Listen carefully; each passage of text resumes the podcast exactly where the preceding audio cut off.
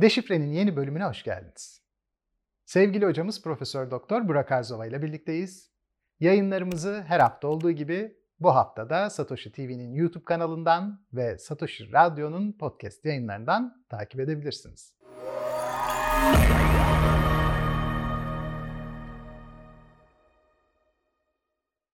Burak Hocam hoş geldiniz. Hoş bulduk, merhabalar. Bu hafta pazarlama konuşalım diyorum. Ne dersiniz? Aa, güzel konu. Çok keyifli. Yine sizin profesör olduğunuz konulardan bir tanesi. Hocam pazarlama ile satış da karışıyor aslında. Pazarlamayı nasıl tarif ederiz? Ben pazarlamayı şöyle tarif ediyorum. Pazarlama aslında hiç ihtiyacınız olmayan bir şeyi size sanki ihtiyacınız varmış gibi hissettirip onu aldırtabilme sanatı diyorum ben buna. Ee, mesela birçok şey şu anda dünyanın her yerinde satışa sunuluyor ve siz aslında bu ürünlerden birçoğuna kendi günlük hayatınızda hiç ihtiyaç bile duymuyorsunuz. Ama o kadar güzel bir şekilde o size sunuluyor ki ve sizin ona ihtiyacınız olduğu o kadar net bir şekilde size hissettiriliyor ki siz onu alma noktasına kadar gidiyorsunuz. Satış da bunun son aşaması. Yani o hissettirdikten sonra artık son aşama o satışı yapabilmek. O satış yapıldıktan sonra da pazarlama işlemi son buluyor ve artık tahsilata dönüşüyor. İş bambaşka bir boyuta geliyor. Peki başlangıcı nerede oluyor hocam? Kafamıza bir fikir mi yerleştiriliyor? Aslında pazarlama açısından baktığımızda ilk önce bir pazar araştırması yapılıyor. Yani pazar bu pazarda benim ürünüm gider mi? Önce bir ürününüzün olması gerekiyor. Fikriniz ya da işte somut bir fikri de olabilir bu. Ya da henüz daha girişime dönüşmemiş ama üretmeyi düşündüğünüz ya da satmayı düşündüğünüz bir hizmet de olabilir. Ve siz bunun ilgili bir pazarda nerede bunu satacaksanız, hangi gruplara yönelik olarak satacaksanız, bu kadın olabilir, erkek olabilir, çocuk olabilir, kız çocuk olabilir, erkek çocuk olabilir, yaşlı olabilir. Yani çok ciddi bir potansiyel var önünüzde. Ve bunlara satacaksanız hangi kanallarla satacağınızı, hangi iletişim araçlarını kullanacağınızı, sizin o ürününüzün renginin, ambalajının gidip gitmeyeceğini araştırmak bir pazar araştırması. Pazarlama araştırması da o ürünün hangi pazarlama yöntemleriyle sunulacağının ortaya konulması araştırması. Yani bir pazar araştırması yapıyorsunuz. Ürün gider mi diye arkasından evet bu gider derseniz hangi pazarlama araçlarını kullanacağınıza yönelik bir pazarlama araştırması ve en sonunda da artık ürünün piyasaya sunulması, fiyatlandırılması ve sunulmasını kapsayan çok geniş bir süreç aslında. Müthişti. Bana hocam Zamanında Oğuz Satıcı eski tim başkanı bir hikaye anlatmıştı. Biz çok samimiyiz onunla. Bir babanın iki oğlu Afrika'ya gidiyor. Baba terlik üreticisi. Farklı ülkelerdeler. Bir tanesi önce telefon açıyor babasına. Baba diyor burada herkes çıplak ayakla geziyor. Yani bizim burada terlik satmamız imkansız. Dolayısıyla yani bu işten vazgeçelim. İkinci oğlu da telefon açıyor. Baba burası müthiş bir yer çünkü herkesin ayağı çıplak. Hepsine terlik satabiliriz. Şimdi pazar araştırmasında hangi yaklaşımı neye göre yapacaklar? Fizibilite raporu hazırlanırken duygusallık, sezgisellik, rasyoneliteden öncelikli mi olmalı, daha sonra mı olmalı? Şundan söylüyorum. Tüketici o kadar rasyonel görünmeyebiliyor her zaman. Ama tabii hiç para yoksa yapılacak bir şey yok ama bu örnek çok uç tabii. Biz daha böyle ortalama bir örnek üzerinden düşünelim. Sezgisellik, geleceği tasavvur edebilme ya da sizin demin verdiğiniz tanımda olduğu üzere ihtiyaç olmadığı halde ihtiyaçmış gibi gösterebilme ortalama insanın kafasına bir fikir sokup sokamamayla ilintili gibi görünüyor. Sizce rasyonellik mi daha ön planda hocam yoksa sezgisel, duygusal yaklaşım? Tabii bu hangi topluma hitap ettiğinizle de çok alakalı bir şey ama bence e, işin bir tarafında sezgisellik daha ağır bastığını düşünüyorum. Hmm. Çünkü e, evet rasyonel davranabilir ama herkes rasyonel değildir.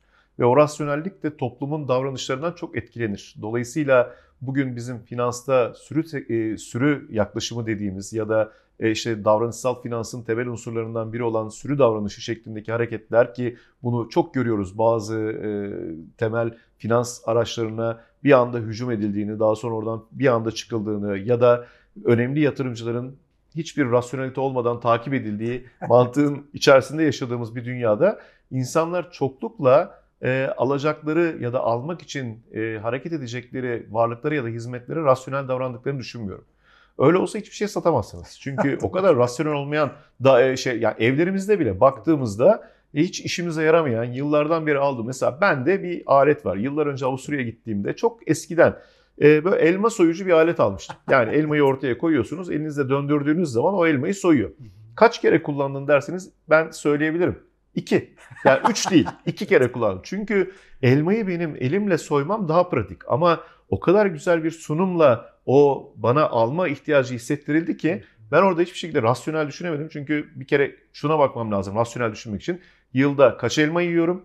Elmayı kendim soyduğum zaman daha mı pratik soyuyorum? Ya da bazı insanlar elmayı kabuklu yemeyi tercih ediyorlar ama ben onu gene ona rağmen aldım.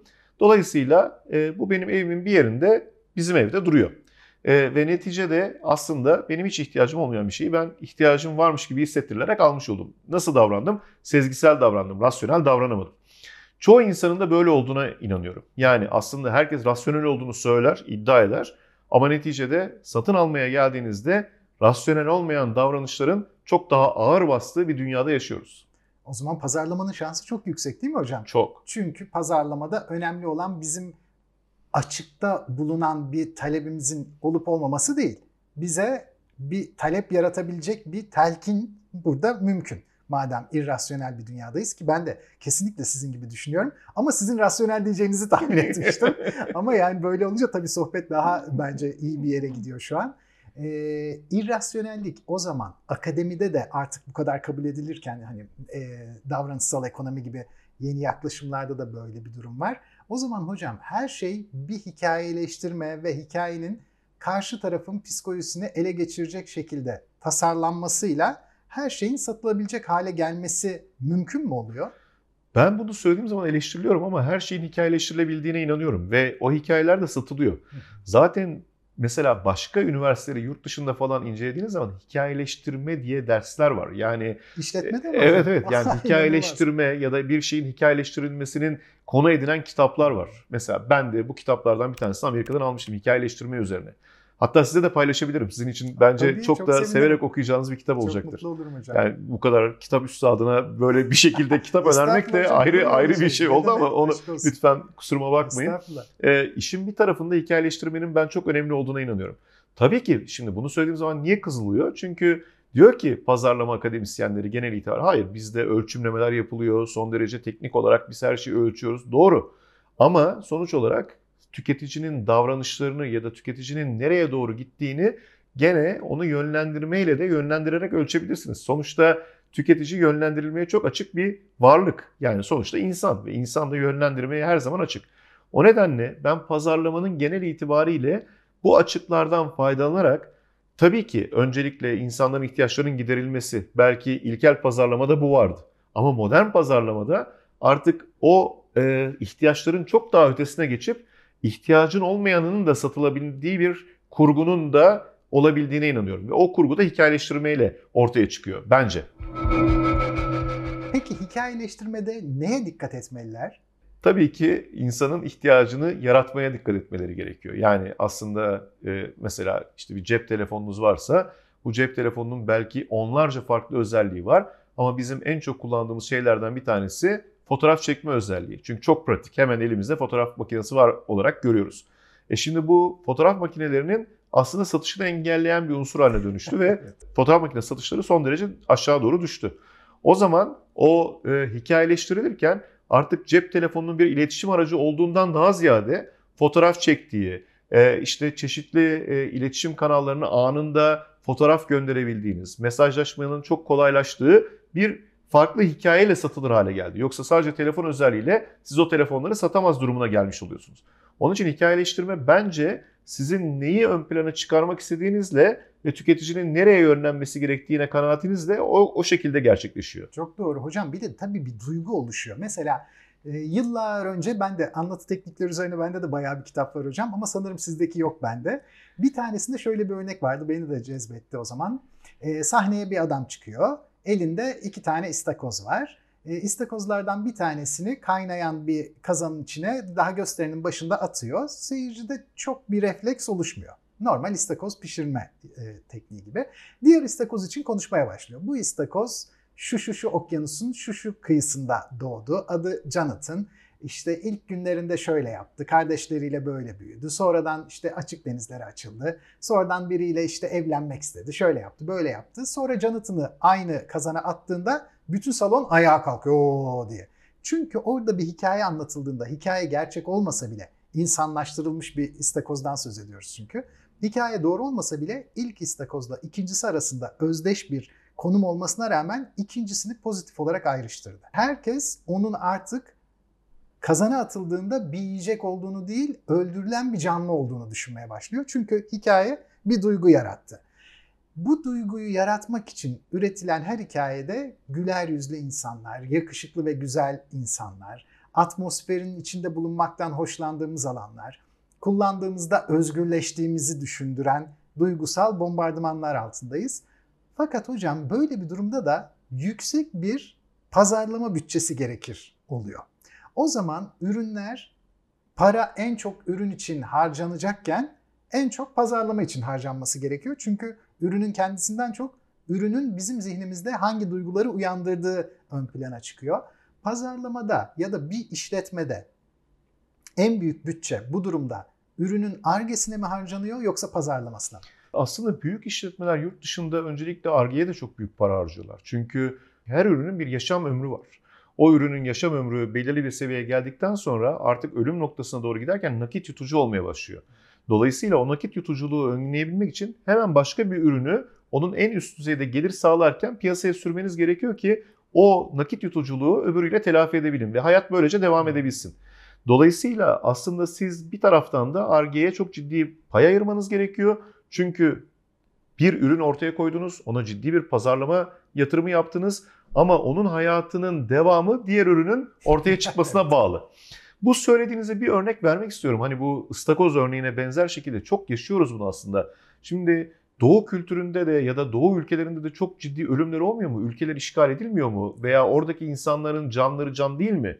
Ama bakıyorsunuz Ukrayna-Rusya savaşından sonra oradaki mültecilerin batıya pazarlanması ve Suriye'den ya da diğer ülkelerdeki mültecilerin pazarlanması aynı sizin ıstakoz örneğinize benzettim ben bir anda. Yani neyi vermek istediğinizde çok doğru orantılı olarak değişebiliyor. Pazarlama bu işte aslında. Yani size güzel erkekler, güzel kadınlar e, sunmak ve o sunulan hayatın içerisinde onların hayatlarının kötüleştiğini göstermek bir pazarlama olarak da ortaya çıktı diye düşünüyorum. Hocam bence çok iyi bir yere temas ettiniz hakikaten. Şunu düşündüm. Bizim hayatlarını tanıdığımız kişiler Amerikalılar. Çünkü Amerikan dizileri seyrediyoruz, Amerikan filmleri izliyoruz, Amerikan kıyafetleri giyiyoruz, Amerikan kozmetik ürünleri kullanıyoruz. Fransızlar böyle. Fransız filmlerini izliyoruz. Alman arabalarını kullanıyoruz. Fakat Vietnamlıların yaptıkları ürünleri giymemize rağmen o ürünün yine de Fransız tasarımcısı olduğu için Fransız ürünü olduğunu düşünüyoruz ve onların hayatlarını bilmiyoruz. Çünkü Vietnam filmi izlemiyoruz, Vietnam dizisi izlemiyoruz, Afganistan filmleri izlemiyoruz. Bu yüzden birinin öyküsü varken diğerinin öyküsü yok ve işte Kabil'de bir bomba patladığında 100 kişi öldüğünde küresel olarak uyanan duygu bir birimse Paris'te 5 kişinin bombayla öldürülmesinde küresel tepki 100 birim oluyor birdenbire. Demek ki ülkeler de kendi ürünlerini pazarlarken önce kendi yaşamlarını pazarlıyorlar kesinlikle, bize. Kesinlikle. Ve etkisi oluyor. Çok etkisi oluyor. Yani zaten o pazarlamanın da bir aslında uç noktası haline dönüşüyor. Kendi ülkelerini, kendi yaşam tarzlarını, kendi beğendiklerini ve kendi doğrularını. En kötüsü de o. Yani onların doğrusu bir müddet sonra sanki küresel ve global doğruymuş gibi size sunuluyor. Ama aslında o belki de sizin için hiç uymayan, sizin toplumunuza uymayan, sizin hayat felsefenize uymayan bir doğru haline dönüşmüş oluyor. Belki de doğru değil sizin için. Ama size o pazarlandığı ve o size verildiği için siz onun doğru olduğunu kabul edip o şekliyle hayatınıza devam ediyor oluyorsunuz. Çok doğru. Yani aslında e, bu birçok örnekle de desteklenebiliyor. Bu izahnamelerde hocam kripto varlıklarda bir sayfalık işte ya da yarım sayfalık bir anlatı oluyor. O hikayeye göre anladığım kadarıyla yatırımcılar hangi kripto varlığa yatırım yapacaklarını seçiyorlar. Ne diyorsunuz ileride de böyle mi olacak? Aslında hepsi böyle mi oluyor? Şüpheli. Yani birçok insan o izahnamelere bakmıyor bile. E, sadece kripto varlıklar değil söz konusu olan. Mesela bugün halka arzlar çok gündemde ve o halka arzlar sonucunda aslında yatırım yapacakları şirketin nerede olduğunu, onlara nasıl bir gelecek vaat ettiğini, ileri yönlü planlarının neler olduğunu, hatta o halka arz sonucunda elde edilecek paranın nereye harcanacağını bile bilmeden yatırım yapabiliyorlar.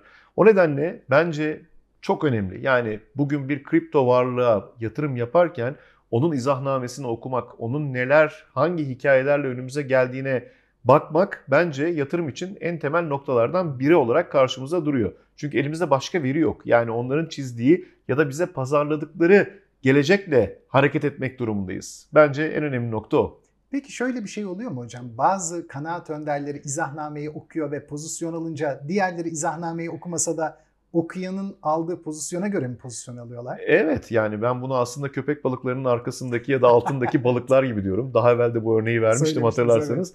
Köpek balığı bir yere saldırdığı zaman bir başka balığa ya da işte avına alttan kalan parçaları almak umuduyla onunla beraber hareket eden balıklar var.